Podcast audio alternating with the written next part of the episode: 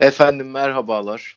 Sergio Busquets'in e, bir kafamıza esti bölümüne daha hoş geldiniz. Yine aylar yıllar geçti. Yine Erkin ve Deniz benimle birlikte. Beyler hoş geldiniz. Hoş bulduk. Hoş bulduk abi. Deniz'le bir süredir uzağız ama Erkin'le günlerimiz çok sık birlikte geçtiği için o samimiyetsiz nasılsınız sorusunu sormak istemiyorum. Onun yerine e, Deniz'den gelen inanılmaz saçma sesleri dinliyoruz şu anda. Evet. Ben, benden onun geldi benden. Pardon. Bir günahını daha Mahalleden motor geçti ama terör estirerek geçti neyse. yani adam tatilde olunca hemen günahını aldım Deniz'in. Estağfurullah. Deniz, Ee, Deniz estağfurullah diyecekti. Ben niye dediysem hata bende yani. Benim Gördüm. mahallemin sıkıntısı. Özür dilerim. Buyurun. Gördüğünüz gibi e, 45. saniyeden dağılan zaten hiç toparlayamamış bir program Sergio Busquets'te bu bölüm. Tabii ki Euro 2020 konuşacağız. Bir sene ertelemeli. Geçen yıl canların sıkkın olduğu dönemde iptal edilen bu yıl seyircisiyle birlikte dönen ve hem bence maçlarıyla hem de e, draması, hikayesi, yer yer komedisiyle çok çok güzel bir turnuva oldu. Genel olarak Euro 2020 konuşacağız ama e, alt başlıklarımızda şöyle finalden başlayacağız. İtalya ve İngiltere'yi milli takım olarak ve hocaları özelinde değerlendireceğiz. Ondan sonra en iyi oyuncular, en beğendiğimiz oyuncuları konuşacağız. Bir 11 çıkaracağız bunun sonucunda. Tabii ki e, ve maalesef ki Türkiye ve Şenol Güneş hakkında epey bir konuşacağız. Arkasından da e, tekrar bir Euro hasreti, Avrupa Şampiyonası hasreti başladı tabii ki 4 yıllık. E, aslında 3 yıllık olmuş oluyor.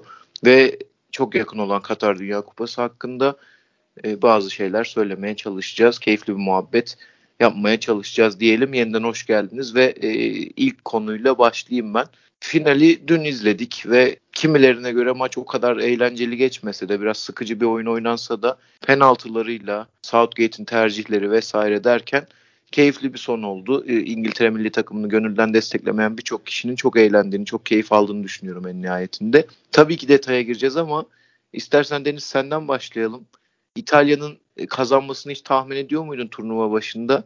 Ve kazandıktan sonra genel olarak ne hissettin? Abi turnuva başlamadan önce İtalya benim için bir favori değildi ama yani ilk maçtan sonra bizi paramparça ettikleri maçtan sonra ciddi ciddi düşündüm kazanabileceklerini yani en azından sonuna kadar giderler diye düşündüm. Yani İngiltere'nin çıkmasıyla da aslında biraz yani benim benim gözümde netleşti maçtan önce. Yani İtalya İngiltere finali olunca ben İtalya rahat alır diyordum ama İtalya zorlanarak kazandı yani. İşte hepimiz izledik. 2. dakikada gol yedikten sonra oyunun içine bir türlü giremediler ama işte Southgate'in tercihleri yardımcı oldu bence finali kazanmalarında.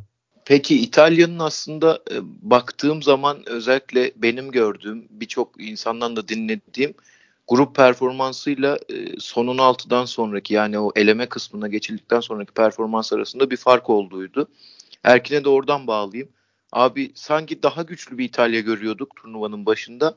Ondan sonra biraz daha o kazanma hayalini kurdurmaktan uzak bir İtalya gördük ama yine de kazandılar. Bir de çok fazla iyi ön plana çıkan oyuncu vardı. İşte hocası çok konuşuldu vesaire. Senden de genel bir İtalya görüşü alayım. Ya abi şöyle aslında İtalya'nın grupta çok iyi başladığı maç bizim maç maalesef. Onun sebebi biraz biziz bence. Ama diğer iki maçta da çok iyi oynadılar. Ee, benim için açıkçası İtalya'nın bütün turnuva boyunca oynadığı maçlar arasında en beklentinin altında kaldıkları maç Avusturya maçıydı. Rakibin gücüyle oranla baktığımızda. Hani İspanya ve İngiltere gibi rakiplere karşı, Belçika gibi rakibe karşı zaten çok büyük bir dominasyon yapmasını beklemedim. O yüzden şaşırmadım. Yani o anlamda böyle e, o yüzden yani bundan dolayı gruplarda çok fırtına gibi başlamış bir İtalya'nın e, ileri turlardaki performansı bende açıkçası İtalya'nın gözünden düşündüğü bir endişe yaratmadı. Hatta ben e, açık açıkta Belçika eledikten, eledikten sonra İtalya'nın net favori olduğunu düşünüyordum. Hatta Belçika maçında da Belçika'yı turnuva boyunca favori gördüğüm halde yani kendimce favori gördüğüm halde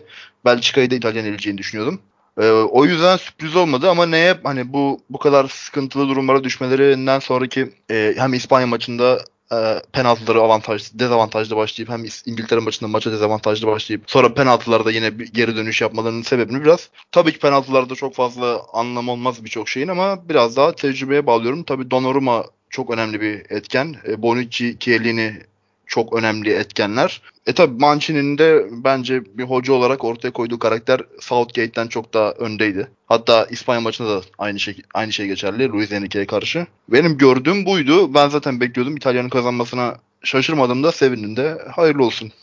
Ben de birkaç şey söyleyeyim İtalya ile ilgili diğer konuya geçmeden.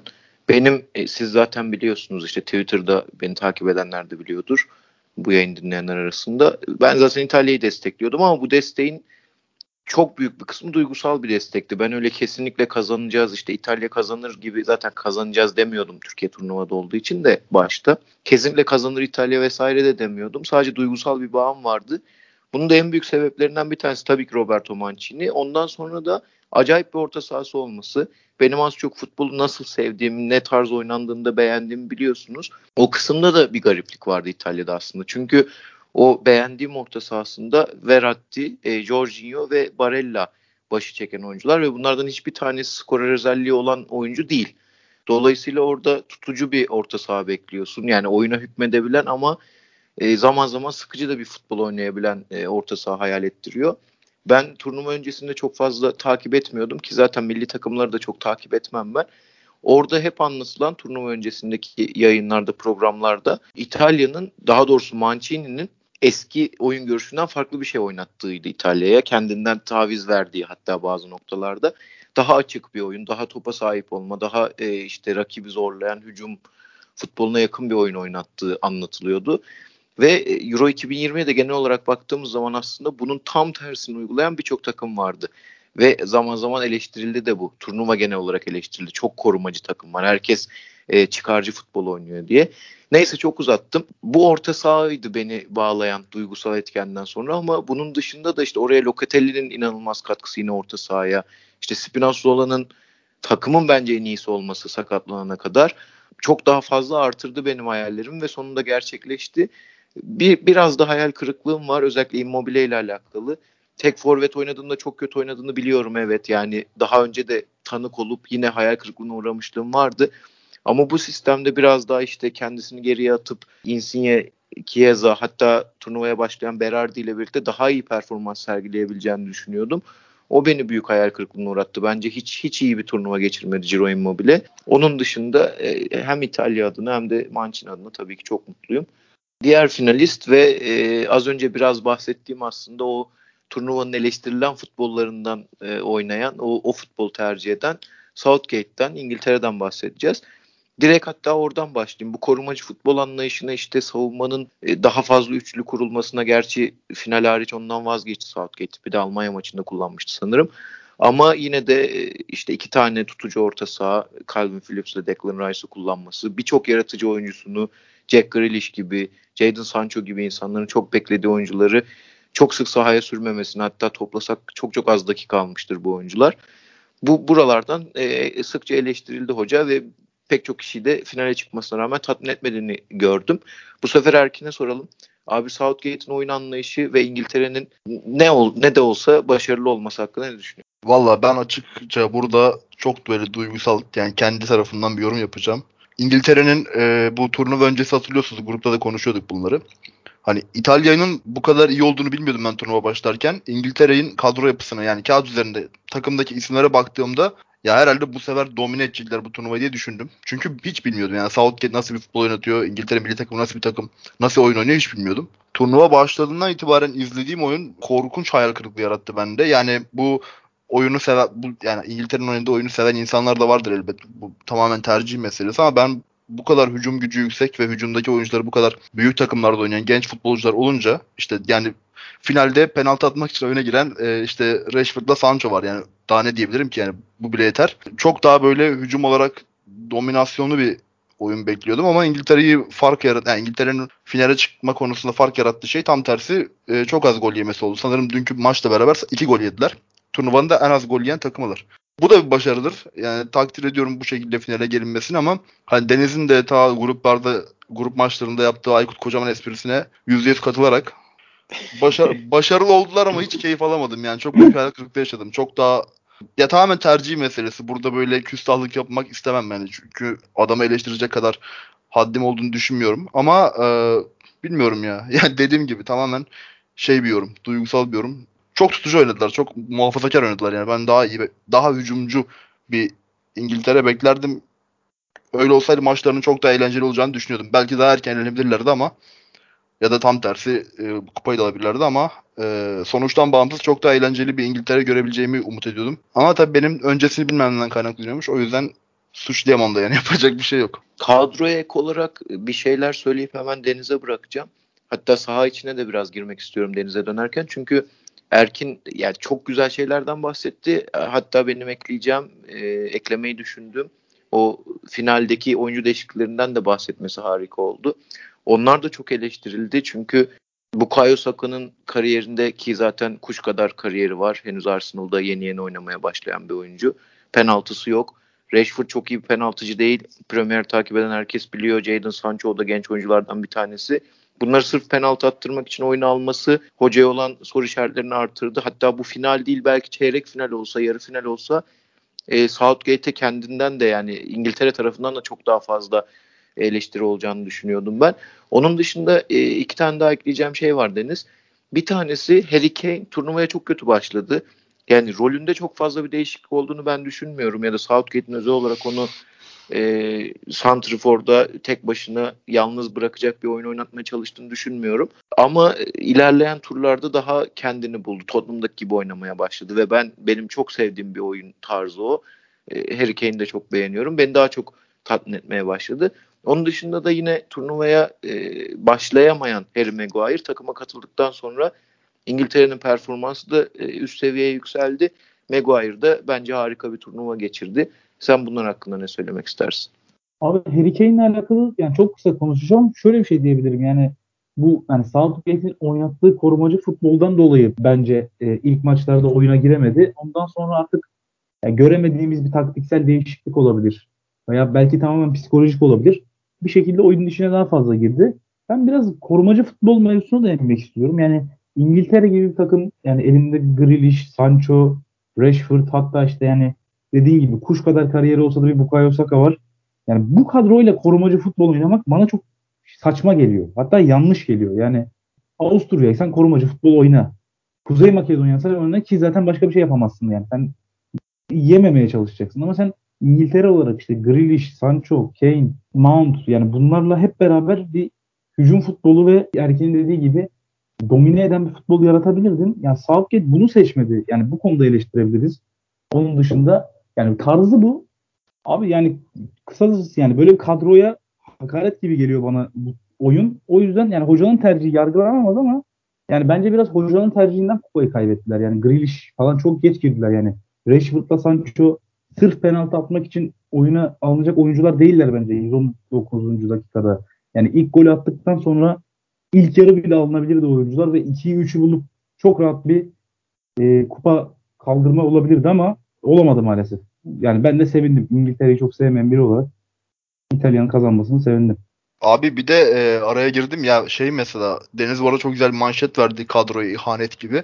Ya şöyle bir şey var hani ya eskiden biraz daha şey bilirdik ki özellikle Dünya Kupası daha çok olurdu. Bu Latin takımlarının daha olduğu e, sempatik futbol oynayan takımların da olduğu turnuvalarda hep böyle şeydir yani ya. Bu yazın oynanan uluslararası turnuvalarda bir şenlik havası vardır. Bilmiyorum çok duygusal, çok romantik bakıyor olabilir mi olay ama zaten bütün sene boyunca Premier Lig'de, Şampiyonlar Ligi'nde işte diğer Avrupa liglerinde e, gördüğümüz bir farklı bir oyun stilleri ama böyle bir turnuvada e, şey türlü maçlar tamamen duygusal bir yorum. İşte İspanya Hırvatistan maçıyla Bel e, Fransa İsviçre maçının oynandığı gün yaşadığımız senaryolar yani aynı gün içinde öyle gollü maçlar falan filan çok daha bu turnuvalara bence heyecan katıyor, anlam katıyor. Tabii ki e, her takım kazanmak ister, her takım pragmatist oynama hakkına sahiptir. Ben burada İngiltere'nin şampiyon olması çok da umurda değil açıkçası. Sadece izledim oyuna bakarım. Ki iyi ki de olamadılar o ayrı konu. E, dediğim gibi o ruhu kaybetmeye başlıyor turnuvalarda.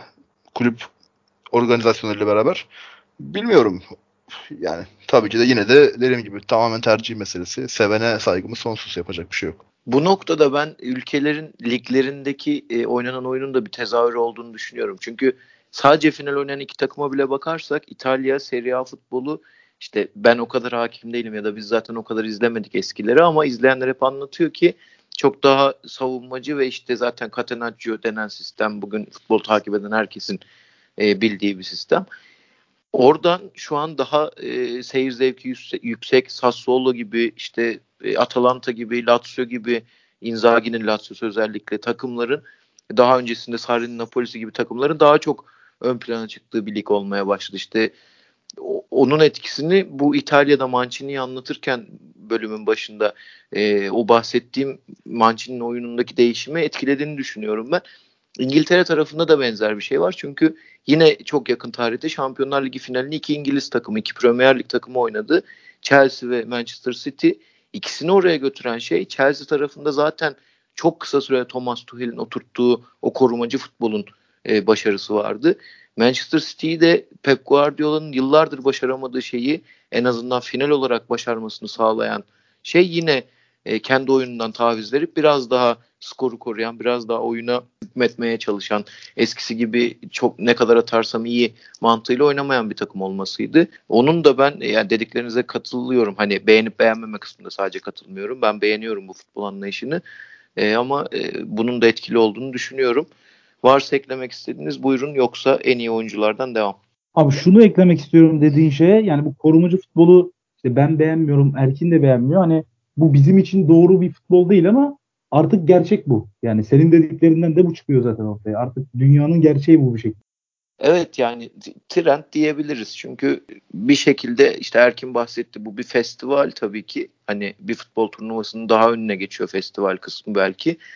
Ama nihayetinde bir şeyleri e, belirleyen de bu e, turnuvalar oluyor. Genelde de eskiden öyle olurmuş. Yani Dünya Kupaları, Avrupa Şampiyonaları o trend oyun anlayışını, trend futbol tarzını işte belki konuşuruz. Kanat beklerin acayip bir performansı vardı bu turnuvada ki bunu yavaş yavaş e, lig futbolunda da görüyorduk. Bundan sonrası için en azından kısa vadede de onların trend olmaya, güncel kalmaya devam edeceğini söyleyebiliriz herhalde. Trend demişken e, Trent Alexander Arnold'u kadroya almayan Southgate'de bu sonuç kapak olsun. Gerçi Kardeşim, final, final maçında sağ bekle asist yaptılar ayrı konu da. Sakatlandı adam sakatlandı. Ya ondan önce de almayacak gibi şeyler söylendi yani. Bu adamı bu kadar yormak adamı kederinden sakatlandı. Gireceğim mi giremeyeceğim mi diye düşünmekten evet, attı. Evet. Adele Biraz attı. Abi funduna gelmiş gibi oldu abi. Tam çıkaracak Soğuk. çıkarmayacak söylentileri varken e, sakatlandı çıktı. Hani Southgate'in de işine geldi. Zaten sakat. Ha, sakatsın sakatsın. bir şey oldu. Aynen. Trent sakatmışsın oğlum. Abi ben de evet. Chilwell'den dolayı taktım biliyorsunuz. Hatta Luke Shaw'a çok takmıştım. Yani Aa evet onu soracaktım gerekiyordu. sana. Southgate'e takmam gerekiyordu. Ben Luke Shaw'a taktım yanlışlıkla. Adamın da orada günahını aldık. Herifi Taktıklarımız şey... final maçında şov yaptılar. Bir Aynen asist, bir gol. Aynen öyle. Yani herifi gömdüm gömdüm gitti final maçının. Bir de Avrupa Şampiyonları finalinin, e, finallerinin en erken golüymüş. Hmm. Çok da güzel bir gol attı yani. Gelişine göre hakikaten güzel kapattı. Luke Shaw konusunda Deniz'le ortak bir noktamız var aslında ama benim İngiltere milli takımı özelinde değil. Ben de Manchester United'da hiç beğenmiyordum ve inanılmaz kötü sözler söylüyordum hakkında. Yani bunun izlediği futbolsa ben futbolu sevmiyorum, işte izlemem gibi şeyler. Beni e, sezonun ikinci yarısında tırnak içinde göt etmişti. Deniz'i de turnuvada finalde yani finale kadar gelen performansıyla göt etmiş oldu. Kardeşimle bir kader ortaklığı yaşıyoruz. Luke Shaw hakikaten e, önemli bir sezon geçiriyor kendi kariyeri hakkında da. Buradan da kendisine başarılar diliyoruz önümüzdeki kariyer yıllarında. ben, ben yine de, de dilemiyorum çünkü kulübe döndüğünde Alex Tejes orada bekliyor olacak. Umarım yine formayı kaptırır bir şekilde. Ya evet Tejes oynasın abi. Tejes iki kere daha iyi topçu vallahi yani. Luke Shaw standardı var da Tejes daha ne teknik falan filan. Evet daha göze hoş gelen bir bek kesinlikle. Ayrıca Alex Tejes Hamza Hamzoğlu tedrisatından geçmiş bir Efsanedir yani. Bilal Bilal Kısa'yla aynı takım paylaşmış. Muhteşem oyuncudur ya. Çok severim onu. Bunlar önemli tecrübeler.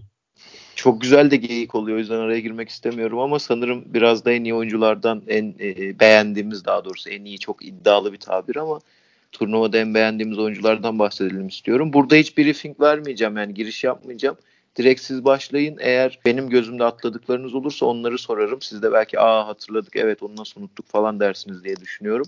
Deniz istersen seninle başlayalım. En böyle e, dediğim gibi nesnel olarak sormuyorum. Öznel izlerken ya iyi ki bu takımı izlemişim, iyi ki bu maçı, iyi ki bu oyuncuya denk gelmişim dediğin e, daha önceden tanıdığın da olabilir, tanımadığın da olabilir. Oyuncular kimler? Abi yani böyle yani iyi ki hani o çıkışı yani gözümdeki yerini farklılaştırma konusunda tek isim geliyor aklıma Calvin Phillips. Yani ben bu adamı biliyordum Leeds United'da oynadığını, iyi de bir oyuncu olduğunu biliyordum ama yani bu kadar iyi olabileceğini işte mesela dün final maçında Verratti çok kötüydü. Bence kötü olmasının sebebi Calvin Phillips çünkü hiç nefes aldırmadı. Yani ben daraldım ekranın başında izlerken. Yani ben o konuda Calvin Phillips'i yazacağım oraya. Bir de şeyi söylemek istiyorum. Jan Sommer'de yani İsviçre bir peri masalı gibi bir turnuva oldu İsviçre için bence yani potansiyellerinin üstüne çıktılar benim gözümde. Ben o kadar beklemiyordum. Ve Jan Sommer de hakikaten takımı oraya kadar taşıyan en önemli oyunculardan biri oldu. Ben Sommer ve Calvin Phillips demek istiyorum. Bir de e, Mikkel Damsgaard'a e, ayrı bir paya vermek istiyorum. Çok büyük topçu olacak inşallah. Evet Zomer'le ilgili çok kısa bir şey söyleyip Erkin'e döneceğim. Benim çok beğendiğim bir oyuncu abi ama çok duygusal sebeplerden yani işte tarzını, tipini vesaire öyle çok kaleci görmüyoruz günümüz futbolunda. O yüzden çok beğeniyorum. Bir de çizgi kaleciliği zaten harikadır. O penaltılarda aşırı güven veriyordu bana. Bir tanesinde patladı elendiklerinde ama daha öncesinde Fransa'ya karşı turu geçiren oldu. Onun dışında da maalesef bazen düzenli izlediğinde hayal kırıklığı yaratıyor. O yüzden kendisini böyle ara ara izlemeyi özlemişim ben. Beni de çok mutlu etti diyeyim. Erkin'e bırakayım. Zomer'le alakalı bir şey eklemek istiyorum. Dedin ya böyle tarzı marzı diye. böyle bütünüyle bir kaleci hani bir, şey, bir laf var ya kaleci saçlı adam falan. Gerçek kesitler mi var hani? Hakikaten evet, kaleci evet. saçı var adamda yani. Kaleci nasıl olur? Yan Zomer gibi olur işte. Saçıyla, başıyla, performansıyla. Abi ya ben, Erkin'e, ben... Erkin'e döneceğim ama Yan Sommer'le ilgili bir şey eklemek istiyorum. Hayır buyur ben, abi, Deniz, buyur. ben Deniz'in kaleci beğeni tarzına hayranım. Yani Muslera'dan bahsediyoruz. Mükemmel bir insan. Süper baba. İşte falan filan. Abi, abi adamın hiçbir kaleci kaleci olduğu için övmüyor yani. Mükemmel bir insan gerçekten. Abi şimdi Muslera'nın ben nesini öveyim zaten. Hani kelime yok ki artık Muslera'ya öyle. Çok iyi kaleci. Gönlünü verdiği takımda yani senin de Erkin bence yıllarca Volkan Demirel gibi bir tip bir karakter kalecilik yapsa sen de benzer e, buhranlara sürüklenebilirdin gibi geliyor yani, bana. Yani herkesin öt öt yapmayan bir kaleci görünce insan şey oluyor yani hani gidip böyle 50 metre kaymayınca golden sonra diyorsun lan bu da iyi adam diyorsun yani.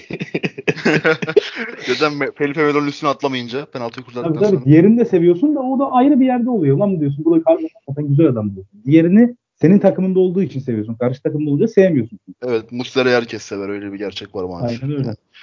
Keşke bize özel olsaydı. Paylaşamıyorum ben onu. Neyse de ben o zaman başlayayım.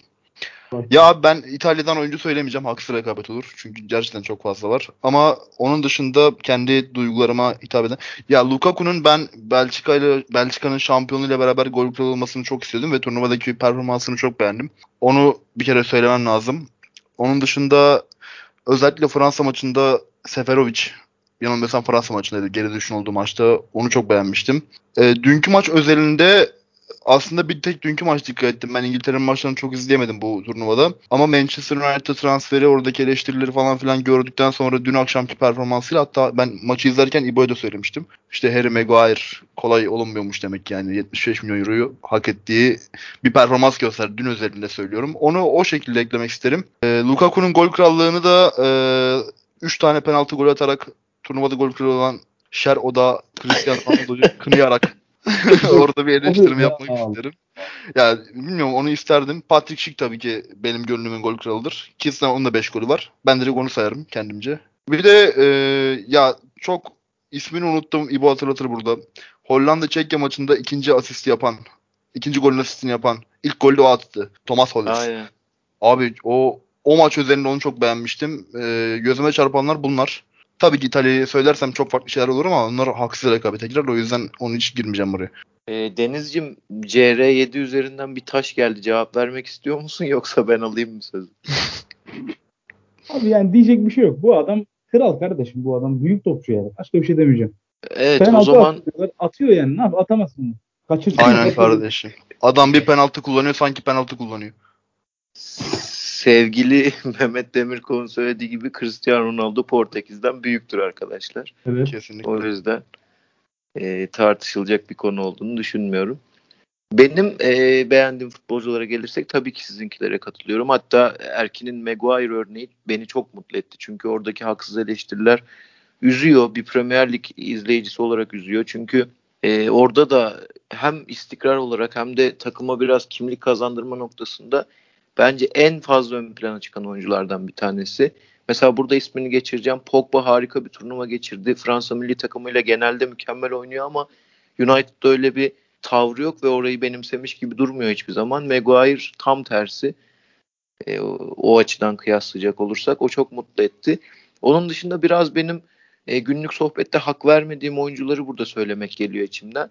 Tabii ki İtalya'dan ben de söylemek istemezdim ama Spinazzola'nın yani oyuna bu kadar etki ettiğini görmek, oyunun onun üzerinden bu kadar iyi oynanabildiğini, hem oyun kurulumuna hem hücum e, şablonuna bu kadar iyi eklemlendiğini görmek e, çok acayipti. Bu turnuvanın başından sonuna kadar demeyi çok isterdim ama arada sakatlandı ve hem bizi maalesef Emerson izlemek zorunda bıraktı hem de takım arkadaşlarını çok zor durumlara düşürdü. E, İtalya'nın da oyun, oyun şeklini değiştirdi mecburen. Onun dışında İspanya'da Pedri yani ben La Liga izleyicisi değilim ama işte zaman zaman önüme düşüyordu. Bir yerlerde okuyorduk. Turnuva başında yine e, Mehmet Demirkol en genç o, e, şey e, en potansiyelli genç oyuncu olarak örnek vermişti. Hatta orada da ben içimden hadi canım sen de demiştim yani çünkü hem İspanya'yı e, pek bir şey yapacağını beklemiyordum Luis Enrique dolayısıyla. Hem de Pedri'nin... Ya adam analiz yapıyor kendince. Sen niye karışıyorsun? Çok haklısın abi. E, hem de Pedri'nin genç yaşıyla direkt oynayabileceğini hiç tahmin etmiyordum. Hem oynadı hem e, takımın en iyisi oldu belki de. Onun dışında e, Hollanda'dan e, turnuvanın başını sallayan grupları yıkan takımdan iki oyuncu benim gözüme çok hoş gelen futbol oynadılar. Bir tanesi Denzel Dumfries herkesin zaten gözdesi oldu. E, bir tanesi de Frankie de Jong. Onu da yine Barcelona'da çok takip edemiyoruz ama Şampiyonlar Ligi'nden herkes hatırlıyor tabii inanılmaz e, transfer öncesindeki inanılmaz performansıyla. Onun da daha üstünde e, çok topla ilişkisi çok aşırı iyi bir oyuncu haline geldiğini görmek yine gözlerimi güldürdü benim. Dumfries'den bahsetmişken de Danimarka'dan son bir oyuncu ekleyeyim. Bu bahsi de kapatalım isterseniz.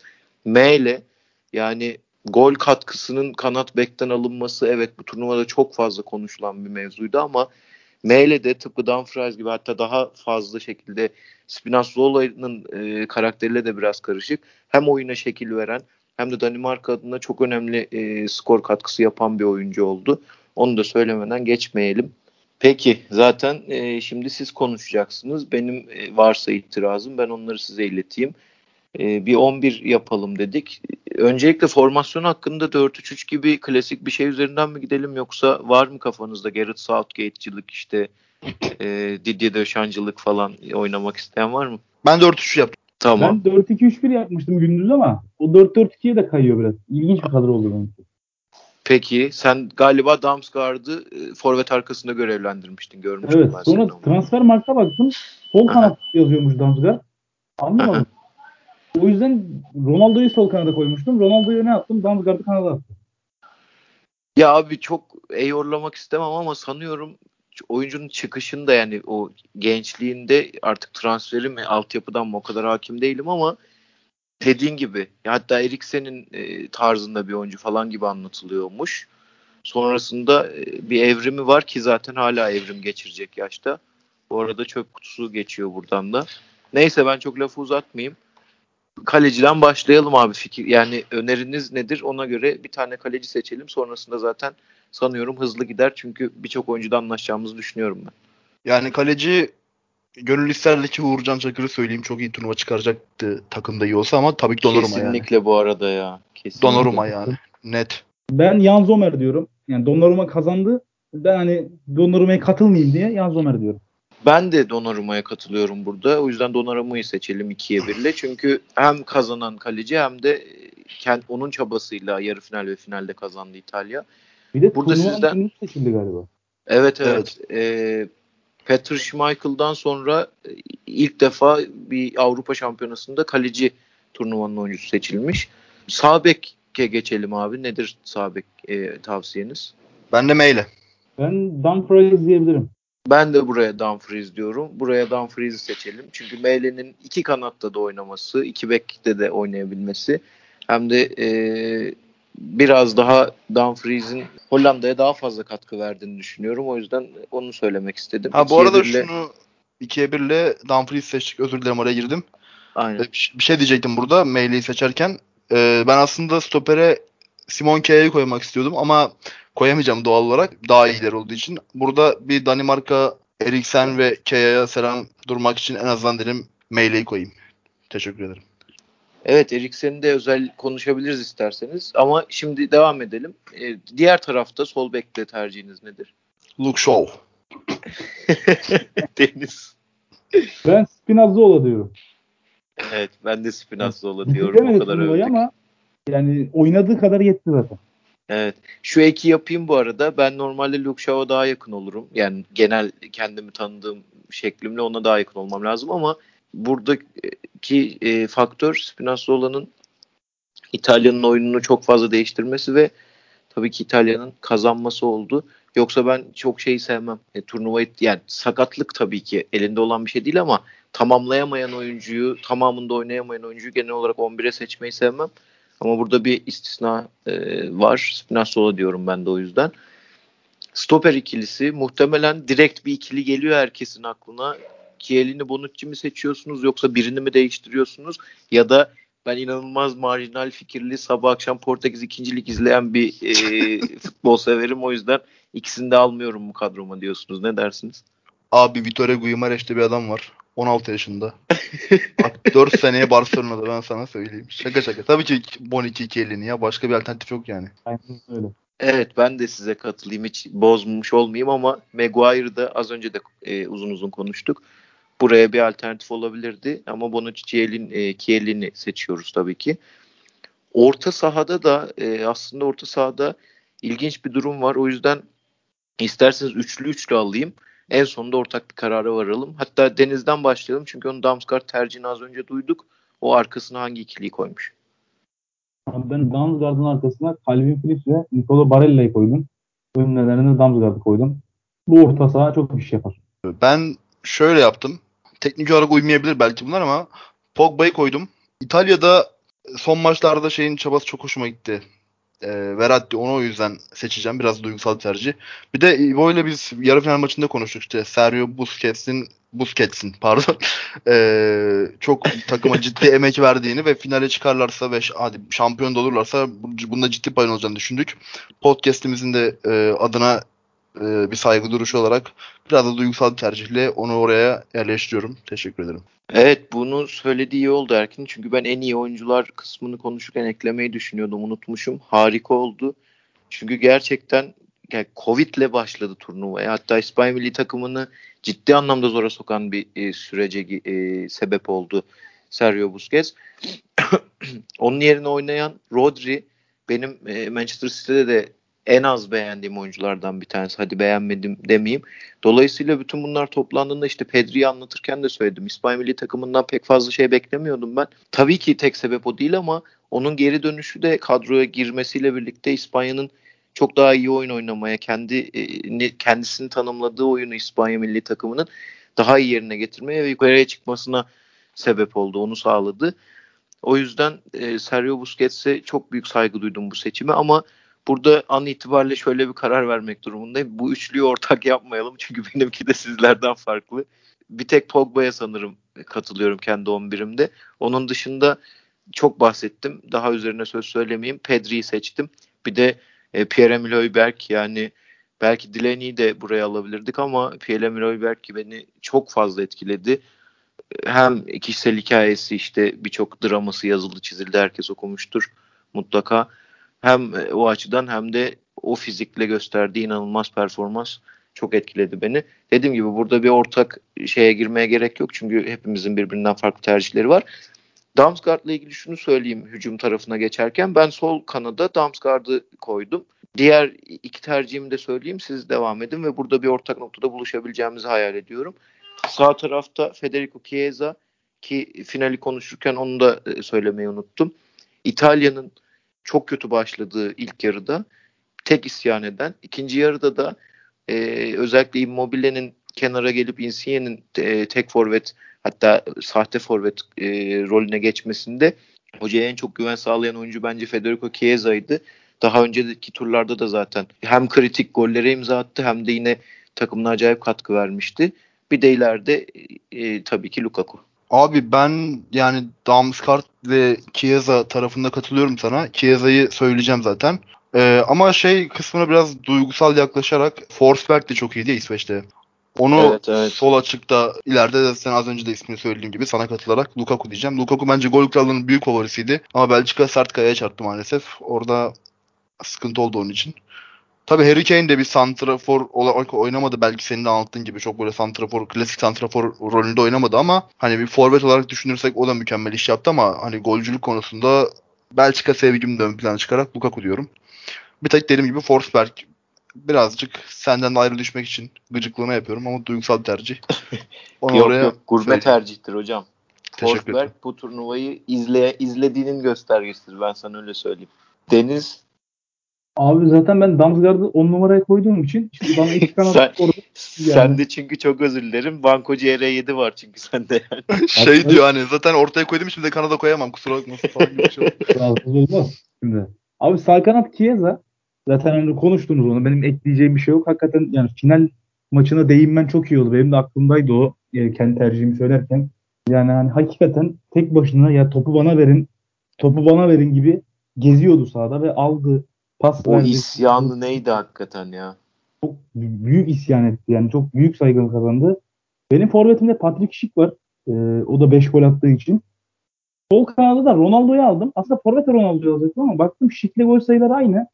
Yani baba da eskiden zaten sol kanatta oynuyordu. O kadar artık atletik değil ama kurtarır yine yani. İki kralı da öyle aldı. Yani Abi CR penaltı penaltı olursa vurdurursun işte ya sıkıntı yok. aynen öyle. Bak, oğlum, hadi penaltı atmıyor. Adam işte 3 tane penaltı atmış.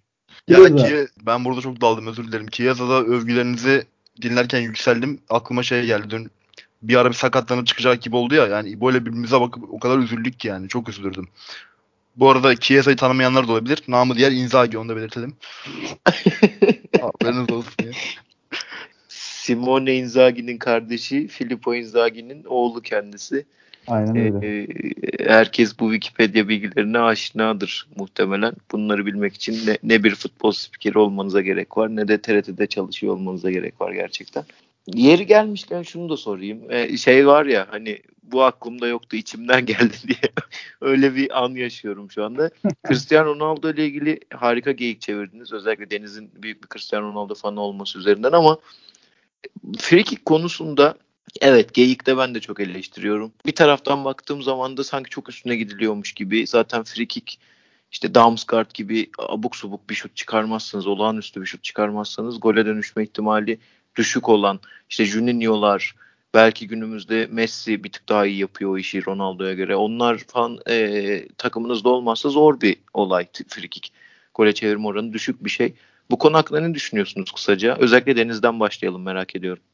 Abi dediğin gibi yani frikikte çok saçma sapan vuran bir adama ihtiyacım var yani. Damsgaard'ın yarı finalde İngiltere'ye attığı gol gibi hani hani oraya çekip onu oraya vuracak adam lazım.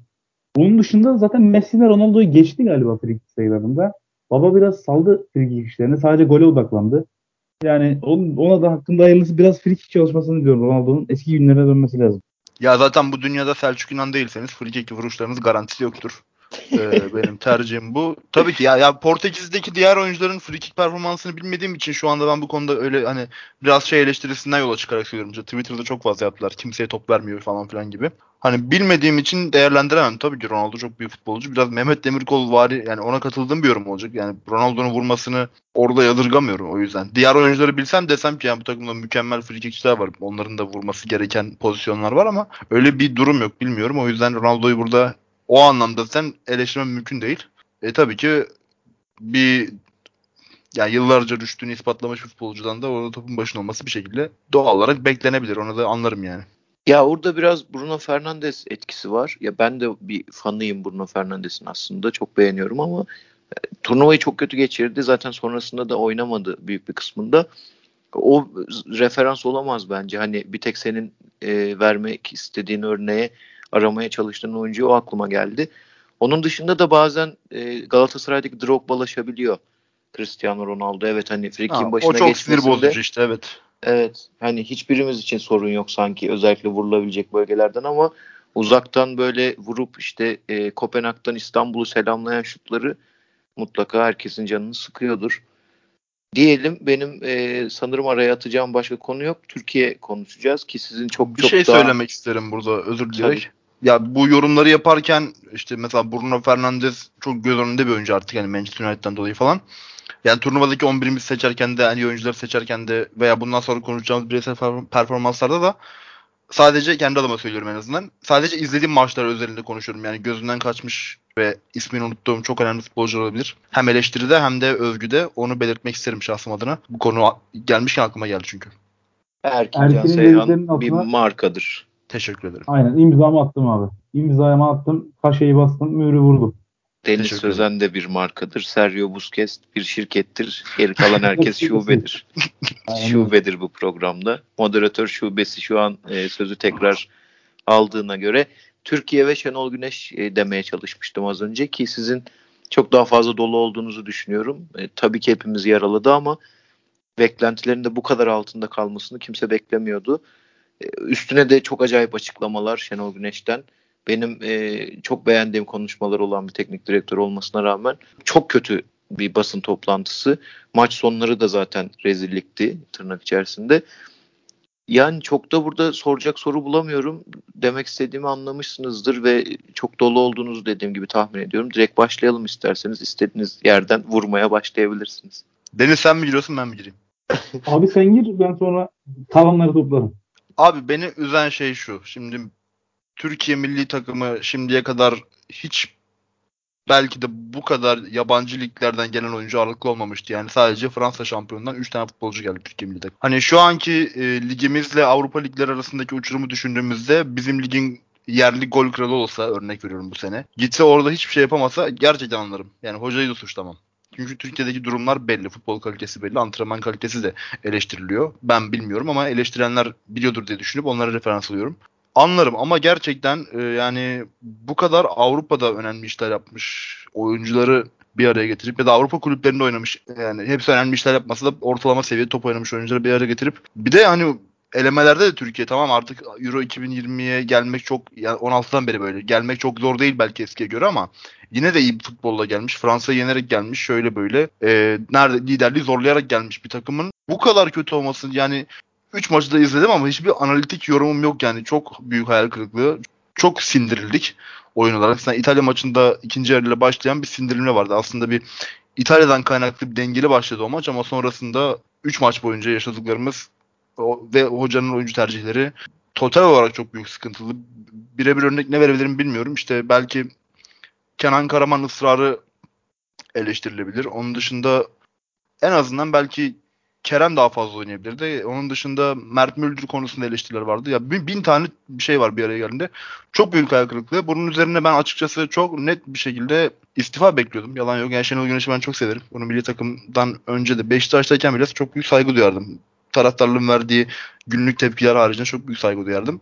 Ee, ama bu kadar beklenmedik bir durum ve bu kadar da Şenol Güneş gibi işler iyi giderken ülkenin en babacan en sevimli, en akil hocalarından biri. Ne yazık ki bizim genel iklimimize uyarak işler en ufak en ufak değil aslında çok büyük rezalet de. İşler kötü gitmeye başladığı anda gösterdiği tepkilerle belki de o turnuvadaki futboldan daha büyük bir hayal kırıklığı yaşattı. Bunu zaman zaman ligdeki son döneminde de görüyorduk. Yani şampiyon olduktan sonraki dönemde de yani olduktan sonra olamadığı dönemde de görüyorduk. Yani burada ne olursa olsun futbola ne kadar milliyetçi yaklaşmalıyız bilmiyorum ama en azından kamuoyundaki fikir Burada bir ulus temsil ediyorsunuz ve hesap vermeniz gereken burada sadece kulüp yönetimleri, federasyon değil, sizi takip eden 80 milyon tane insan yani. Bu o yüzden özel bir durum. Buradaki hocanın e, basın toplantısını da dahil ederek çok üzüldüm, çok hayal kırıklığı yaşadım ve açık konuşmak gerekirse Dünya Kupası'na dair hevesinde, beklentimde bir nebze azaldı. Umarım yanılırım, umarım güzel toparlanırlar. Çok daha iyi şeyler olur. Abi ben Şenol Güneş'e yani ben de çok saygı duyarım. Mesela Erkin'in dediği o e, yorum çok güzeldi. İşte en akil teknik direktörlerden biridir mesela. Fatih Terim ne zaman milli takım başına gelse hep bir eksiyle başlıyor. Çünkü Fatih Terim biraz daha dobra bir adam, daha dediğini sakınmayan bir adam.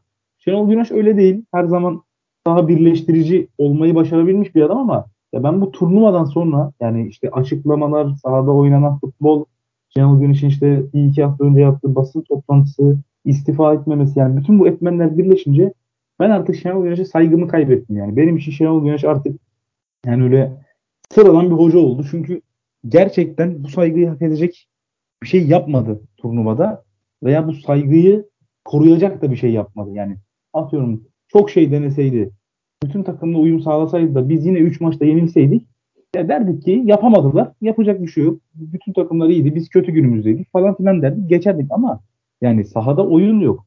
Oyunculara gelecek olursak mesela o Chiesa'nın isyanından bahsettik. Öyle bir isyan yok. Sadece son maçta Mert Müldür'ün bir sürekli bir topu alıp bir şeyler yapma hevesi vardı. Bir de işte o gün o maçta İrfan Can bir çekti, vurdu, gol oldu. O da isyandan sayılırsa yani. Ben oynatmadığı oyuncular konusuna değinmek istiyorum. Yani sen madem şimdi iki tane sol bek götürüyorsun. Umut Meraş ve Rıdvan Yılmaz. Yani götürmeseydin. Ben burada Mert'i kullanacağım. Sağ beke de başka bir sağ bek alsaydın. İşte Abdülkadir Ömür'ü götürdün ki götürülmesi de çok eleştirildi ama niye oynatmadım? Yani eleştirilirim diye mi oynatmadım? Yani eleştirileri görüp yani oynatırsam daha da eleştirilirim diye mi oynatmadım? Yani Kerem'i niye hiç süre vermedin? Halil Dervişoğlu'na yani bunları üçüncü maçta süre, süre verilebilirdi. Çünkü İsviçre şey pardon Galler maçı bittiği an zaten Türkiye'nin kupası bitmişti. Yani öyle o yenilse bu çıksa falan filan o zaten olmayacaktı. Çok belliydi. Yani üçüncü maçta en azından bu oyunculardan birine şans verilebilirdi veya hepsine yani ben olsam hepsini oynatırdım bu şans bulamayan oyuncuları. Mesela Orkun Kökçü de aynı şekilde. Sonra işte gurbetçi oyuncular yani Türk milli takımını seçmiyor deniyor. Yani ben olsam ben de seçmezdim ya bu sonuçta Orkun Kökçü muhabbetlerinden falan filan. Ya bir de mesela şey son maç diyor Deniz e, ben burada araya gireyim. Mesela yani İbo da hani son maçı kesin kazanacağız şeklinde konuşmuyor da şakayla karışık işte ya şu şunu yenerse bu bunu yenerse falan filan diye böyle dalgasını hesap kitap yapıyorduk böyle. Ya direkt ilk soru şu yani Türkiye ne ara İsviçre'yi yendi ki yani. Yani şeye içinden gelen bir eleştiri var onu yapmazsam olmaz. Hani Türk bu bizim millet olarak gaza gelme işini ne yazık ki hala bırakamamışız. Yani elemelerdeki performans bence de çok iyiydi ama asla bu takımın şampiyon olabileceğini hatta çeyrek finalden öteye gideceğini ben düşünmüyordum şahsen. Ee, yani bilmiyorum bu turnuvayı izledikten sonra eğer sahadaki oyunu izledilerse hiç ben de sahadaki oyun taktik teknik olarak çok ilgili bir insan değilim. Hani çok anlamam bu işlerden ama abi şu tempoyu gördükten sonra ben Türkiye'nin şampiyon olabileceğine inandıysam pişman olurum yani. Ya futbol yorumlarımı gözden geçiririm. Yani şu gerçekten çok büyük fark var. Yani bu tempoyu Türkiye'nin kaldıramayacağını ben belki tahmin edemezdim ki yine tahmin etmedim. Yani şey ya ben yine finale çıkamaz dedim Türkiye. Çeyrek final ötesini göremez dedim. Ama hadi ben diyelim dedim ki finale çıkarız. Ama bu milli takımların bu durumunu bu şekilde oynayabileceğini kestirebilen ve bu durumu daha önceden takip eden insanların bu turnuvada Türkiye finali görür deme ihtimalinin olduğunu düşünmüyorum. Diyen varsa da biraz bundan sonra farklı şekilde baksın derim. Artık kimse kusura bakmasın yani. Çok çok yüksek bir hype vardı e, ama yani karşısında olmayacağı asla belliydi. Tam tersine çok büyük rezalet oldu yani. Bu tutumda zaten bizim en büyük benzerliğimiz İngiltere ile. Aslında e, South, Gareth Southgate'in oynattığı o e, tutucu futbolu, muhafazakar, korumacı artık ne derseniz deyin. Anlatırken buna değinecektim. Biraz çekindim uzamasından o yüzden değinmedim. Şimdi müsaade ederseniz biraz onun hakkında konuşmak istiyorum. Türkiye ve İngiltere'nin taraftar profili şu noktada çok benzeşiyor. Kötüyü en kötü olarak yorumlayan, bir tık iyiyi en iyi olarak yorumlayan, her zaman uçlarda yaşayan taraftar grupları, taraftarlar e, bu iki ülkede e, var, yaşıyorlar ve maalesef milli takımlarını olumsuz etkiliyorlar. Gareth Southgate'in de işte 96'da penaltı kaçırıp takımının e, eğlenmesine sebep olan bir hoca olarak Bundan ben etkilendiğini düşünüyorum açıkçası. Özellikle milli takım başına geldiğinden itibaren. Çünkü o, o taraftar da sürekli işte kadroya baktığımızda dedik ya ben de sizinle aynı yerdeyim bu arada. Farklı yerde olduğum için söylemiyorum. İngiltere milli takımının kadrosuna baktığınız zaman böyle bir FIFA'da almak isteyeceğiniz, işte FM'de kurmaya çalışacağınız, elinizde bulunmasını istediğiniz bir kadro gibi gözüküyor ama hiç o e, vur kır parçalı futbolunu oynamadı Gareth Southgate. Bu bence kendi adına müthiş bir e, sosyolojik çıkarımdı hocanın yaptığı. Ama bizim bu tarafta Şenol Güneş yine onu yapabilecek belki de en başta en işte Erkin'in söylediği gibi en akilli hocalardan bir tanesi. Ama hiç onunla uğraşmadığını gördük. Türkiye neredeyse iki senedir, bir buçuk senedir oynamaya çalıştığı, oynadığı ezber futbolunu oynamaya geldi. Halbuki turnuvaya baktığınız zaman işte Gary Southgate'den bahsettik tavır aynı olabilir. Ama 2018'de üçlü savunma oynayan takımı dörtlü oynattı. Neden? Belli gerekçeleri vardı. İşte Roberto Mancini'nin oyun değişiminden ikisi de finalist belki çok uç noktalardan konuşuyorum ama o da e, kendi oyunundan vazgeçip, kendi beğendiği oyun tarzından vazgeçip elindeki oyunculara göre, o genç yeni yapılanmaya göre bir oyun tutturup geldi turnuvaya. Turnuva içinde de 750 kere oyun değiştirdi İtalya. Hani böyle kısaca konuşuyoruz, basit anlatıyoruz Spinazzola, Verratti vesaire diye ama Verratti turnuvaya başlamadı. Locatelli ile bambaşka bir şey oynadı İtalya. Daha yakın işte dün İngiltere karşısında çok sıkıştığı yerde Erkin'le birlikte izlerken de söyledim. Verratti'yi sola attı hocaya. Rakibi karşılarken 4-4-2 gibi durup ki o ikili de Insigne ve Chiesa vardı en uçta. Sol tarafta Verratti ile topu kazanmaya, oradan oyun kurmaya çalışan bir takımdı ki İtalya bugün işte bir istatistik gördüm. E, kazandığı topları en çok hücuma, en çok tamamlanan hücuma, out, şut ya da gol olarak en başarılı olan takımmış turnuva şampiyonu olarak. Şimdi bunların üzerine kafa yormazsanız ezbere bizim çok iyi oyuncu grubumuz var. Çok da iyi bir oyun tutturduk diyerek turnuvaya başlarsanız ve İtalya gibi de bunun tam aksini o yüzden bu örneği veriyorum başından beri. Bunun tam aksini şiar edilmiş hem hocasıyla hem genel olarak işte Serie A'yı da anlattım. Ülke olarak bir yapılanma içerisinde olan sizin tam tersi bir e, ak, akla, akla sahip, oyun görüşüne sahip bir ülkeyle karşılaşınca bir de üstüne ezilince tabii ki turnuvada e, müthiş bir psikolojik boşluğa düşersiniz. Sürekli Şenol Güneş son basın toplantısında tamamını izlemedim. iki saat çok uzun bir süre. Dayanamadım da açıkçası. Çok kötü bir basın toplantısı. Orada sürekli vurguladığı yer İtalya maçı. Abi kusura bakmasın yani ben ger- gerçekten evet futbola çok ilgi duyuyorum ama ya benim çok basit bir sıfatım var. Ben futbol severim. Senin ismin var ya. Senin ünvanın var. Bak benimki sıfat sadece. Sen Türkiye milli takımının baş antrenörüsün. Ya bu çıkarımı ben yapabilirken senin ya ben bunu sondan görüp yapıyorum. İtalya'yı görüyorum, seni görüyorum, gruba bakıyorum. Senin bunu öngörebilmen lazımdı. B planın, C planın, Z'ye kadar planın olması gerekiyordu ki bunu da şampiyon olalım diye demiyorum. Çünkü o eleştirdiğim taraftar grubuna girerim öyle söylersem. Sadece bunu bir varlık gösterelim diye. Türkiye varlığını kaybetti turnuva içerisinde. Yani hep anlatıyorum. Sizin için tekrar olabilir. Özellikle Erkin için özür dilerim ama İtalya'nın bize karşı oynadığı ilk 45 dakika kadar kötü oynadığı maç var. Evet daha kötü oynadığı 45'ler de var. 20-30 dakikalar da var ama o kadar çekingen durduğu hiçbir maç yok. İtalya bizden çekinerek başladı maça. Yani bunu çok negatif bir anlamda söylemiyorum. Türkiye milli takımının olumlu yönlerini, pozitif yönlerini bilip onlardan çekinerek başladı ve o yüzden de golü bulamadılar ilk, ilk 45 dakikada. Ya böyle bir görünümle gittik turnuvaya. Turnuva içerisinde ve çok kısa sürede 3 maçta kaybettik kendimizi. Varlığımızı kaybettik. Beni en çok üzen buydu. Onu eklemek istedim. Yani işte İtalya İngiltere üzerine anlatmak istedim. Varsa Türkiye milli takımı ile ilgili, Şenol Güneş ile ilgili söylemek istediğiniz buyurun. Benim yok daha başka bir şey. Abi benim de yok başka bir şey yok. Peki e, son artık kapatacağız. Çok e, yaklaştık sona. Sona gelirken e, Avrupa Şampiyonası'nın yine birçok kişiyi rahatsız eden birden çok ev sahibiyle yapılması. Bu konuda ne söylüyorsunuz? Herhalde kimse beğenmedi ama e, biraz da İngiltere üzerinden son günlerde çok konuşuldu. Wembley'nin e, yarı ev sahibi gibi durması. Deniz istersen seninle başlayalım. Abi yani dediğin gibi İngilizler hiç yani sadece bir maçı farklı bir yerde oynamışlar. Diğer bütün maçları Wembley'de oynamışlar. Yani skandal zaten bunun en başta böyle yapılmış olması çok ilgincime gitmişti. Mesela iki ülke e, turnuvaları vardı. Euro 2008'de Avusturya ve İsviçre'ydi galiba yanlış hatırlamıyorsam. Mesela 2002 Dünya Kupası Japonya, Güney Kore ama hani çok birbirinden ayrı ayrı ülkeleri yani mesela. O zaman madem mesela Avrupa'nın içinde döndürselerdi keşke. Mesela Azerbaycan çok uzak bir yer falan. Ama işte yani çok yanlış bir karardı. Geçen sene de yanlış bir karardı. Bu sene de yanlış olduğu görüldü. Yani Danimarka takımı işte Kopenhag'dan bakıyor, Bakü'den Wembley'e falan gitti. İngiltere sadece bir maçta Wembley'den çıktı. Başka bir şey söylemek istemiyorum. Zaten bir şey söylemeye de gerek yok. Erkin'e daha çok izleyici tarafından sormak istiyorum. Sanki bizi de e, şey olarak etkiledi değil mi abi? Hani o turnuva coşkusuna bir gün giriyorsun, ertesi gün giremiyorsun gibi bir durum oldu. Ya açıkçası ben e, bu turnuva koronavirüs de olmasaydı, geçen sene olsaydı farklı şeyler olmasını bir eğlenceli deneyim olarak öngörmüştüm. Hani ama o şeyi almadım yani turnuva oynanırken hayal kırıklığı yaşadım. Ha bana ne kadar geçti bu açıkçası bunu böyle çok e, büyük bir dertmiş gibi anlatırsam samimiyetsiz olur. Bu çok da umursadığım bir şey olmadı ama bazı maçlarda atmosferden daha çok keyif aldığımı söyleyebilirim. Bu bundaki temel faktör nedir onu bilmiyorum. Ama örnek vermek gerekirse Danimarka'nın da maçlarına denk gelmesinden kaynaklanırım. Parken'deki maçlar mesela çok keyifliydi. Ben başka bir şey söylemek isterim burada izninizle. Ee, şey var. Bu burada böyle yani Türkiye gözünden bakıp Türkiye'yi çok savunduğumu düşünmeyin siz ve dinleyenler.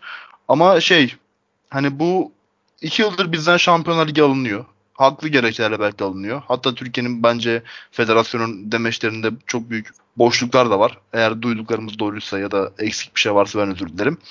Ama e, yani bu e, şeyi anlamıyorum. Yani bu İngiltere'nin madem sıkıntıları var koronavirüsle ilgili. Yani belki daha kısa bir sürede bunu değerlendirmek doğru değil. Hani çok finale az bir zaman kala bunu yapmaları doğru olmayabilir ama yani e abi madem böyle UEFA Türkiye'ye geçirdiği dişi biraz da İngiltere'ye geçirebilseydi diye bir hayıflanma içindeyim. Çünkü bu yarı finaldeki ve finaldeki rakip takım sana yanıyorsa, yanılmıyorsam yurt dışından rakip takım seyircileri gelemediler. E bu doğal olarak e, maçın içindeki gidişatını ne kadar etkilemiştir o bilinmez ama bir adaletsizlik olmaması gereken bir şey. Ve madem sen UEFA'sın e, tabii ki sağlık önemli.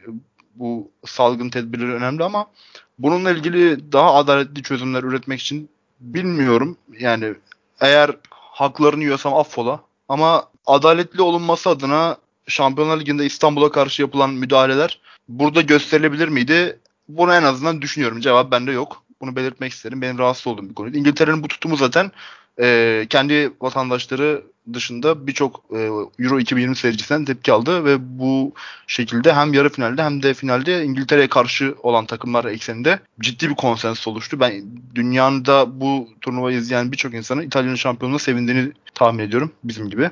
Diyeceklerim bu kadar. Benim canımı sıkan yarı final ve finaldeki bu durumdu. Evet bence çok güzel yaptım bunu söyleyerek. İki taraflı bir sıkıntı olduğunu düşünüyorum ben. Yani bu tarz konular Türkiye'nin her zaman eli güçsüz oluyor. UEFA'da söylediğin gibi e, İngiltere gibi birçok ülkeye hatta kulüp takımlarında da görüyoruz. Her zaman iltimas geçme e, tarafını seçiyor. Daha önce ben benim de şey dikkatimi çekmişti. İngiltere'nin bundan daha büyük başarı yakaladığı tek turnuva yanılmıyorsam 66 Dünya Kupası. Orada da aynı şeyler yaşanmış. Yani belki stat vesaire olarak değil ama hep kollamışlar İngiltere'yi, hep korumuşlar. Ya bu tavrın hala tekrarlanıyor olması çok ilginç. O, o açıdan da kazanamamaları o yarı finaldeki penaltıdan sonra Evet tabii ki çok güzel oldu. Bunda oyuncuların ve teknik ekibin bir suçu olduğunu düşünmüyorum ama kazansalardı bayağı bir insanı üzeceklerdi. Tam bu noktadan çok kısaca onu da sorayım öyle bitirelim. Yakın zamanda Dünya Kupası var ve işte tamamen az önce konuştuğumuz sebeplere dayanarak Katar'da oynanacak. Benim çok canımı sıkıyor. Abuk subuk bir e, organizasyon izleyeceğimizi düşünüyorum. Hem de sporcuların da çok fazla kafaya takacağını e, hem tarih itibariyle hem de bölge itibariyle düşünmüyorum. Siz ne dersiniz? Kısaca onu sorayım. Valla ben bunu simüle ettim abi FM'de. 2022 kışında Dünya Kupası'nı unuttum. Abi ya Eylül'de Eylül'ün başı galiba Ağustos sonu ya da Şampiyonlar Ligi falan başlıyor. Grup maçları her hafta birer hafta oynanıyor böyle. Yani birer hafta bir maç oynanıyor. Aynı geçen sene gibi. Ama geçen sene korona vardı yani olağanüstü bir durumdu. Sonra Kasım'da Dünya Kupası Ocağa kadar yani Kasım sonundan Kasım başından Ocağa kadar maç yok. Yani kulüp maçları yok. Bunun gerçeği beni çok korkutuyor. Ta, yine FM üzerinden komik bir örnek vereyim. FM 17'de e, Katar Dünya Kupası iptal ediliyor her oyunda. Orada da bir haber başlığı olarak geliyor. şey e, e, yani federasyonların isyanı üzerine 2022 Dünya Kupası Arjantin alındı diye. Yani FM bile bu saçmalığı görmüş bundan 4 sene önceki oyununda ama artık 2 sene önceki oyunda onlar da mecburen 2022 bu şekilde ayarlıyorlar. Bilmiyorum yani şey de bindi. Hani normal bir fikstürde belki anlaşılabilirdi. Ben yine anlamazdım, saygı duymazdım ayrı konu da. Ee, bu koronavirüsle beraber abi durmuyor. Yani bak şimdi olimpiyatlar başlıyor. Olimpiyatlar bitiyor, ligler başlıyor. Ee, bu sene konferans ligi dahil oldu. Uluslar ligi var. Seneye dünya kupası, konfederasyon işte Amerika'sı, Afrika'sı bitmiyor abi. Futbolcular da insan yani bilmiyorum. Yani mesela bu Eriksen olayında da çok tartışıldı. Eriksen'in bu arada elinde e, bu fikstür yolundan dolayı düşüp bayıldığına dair yani daha doğrusu Allah korusun kalp fazla geçirdiğine dair e, herhangi bir veri yok. Ama bu durumunda futbolcular üzerinde sağlık açısından olumlu etkilerinin olmayacağı açık. E, bilmiyorum bu nereye kadar varacak. Bir yerden sonra Dünya Kupası'nın hem oyun kalitesini hem seyir zevkini hem de seyircilerin de sporcuların da turnuva ilgisini çok kötü bir yere getirebilir bu gidişat. Yani en önemli şey e, insan sağlığı. Bu çok açık. Bunu son bir buçuk yılda gördük. Nasıl bir çözüm olur? Nasıl bunu en sağlıklı ve eğlenceli hale getirebilirler bilmiyorum ama Ee, bin bir tane belirsizlik var kafamda yani olumsuzluk da diyemiyorum. Sadece göreceğiz. Takvim olarak çok garip bir yerde. Bir de salgınla beraber bilmiyorum yani gerçekten o kadar çok şey söyleyip sonra bilmiyorum demek biraz garip geliyor ama bu kadar belirsizliği tattığım için de yani e, aynı belirsizlik birçok futbol severin kafasında da vardır diye düşündüğüm için. Burada bir Nuri Bilge Ceylan filmi gibi ucu, ucu açık bırakıyorum burayı. Artık seyirci alsın. Aslında tutarlı oldu abi bence çünkü e, evet bence Katar'ı en güzel tanımlayan şey belirsizlik. Sporcu sağlığı ile ilgili çok kısa bir şey söyleyip e, denize bırakacağım. Benim e, naçizane fikrim daha çok kronik rahatsızlıklara sebep verebileceği ileriki dönemde. Çünkü zaten profesyonel sporun e, sağlığı olan etkileri sürekli bir tartışma konusu. İki camiada da yani sağlık sektöründe de spor sektöründe de.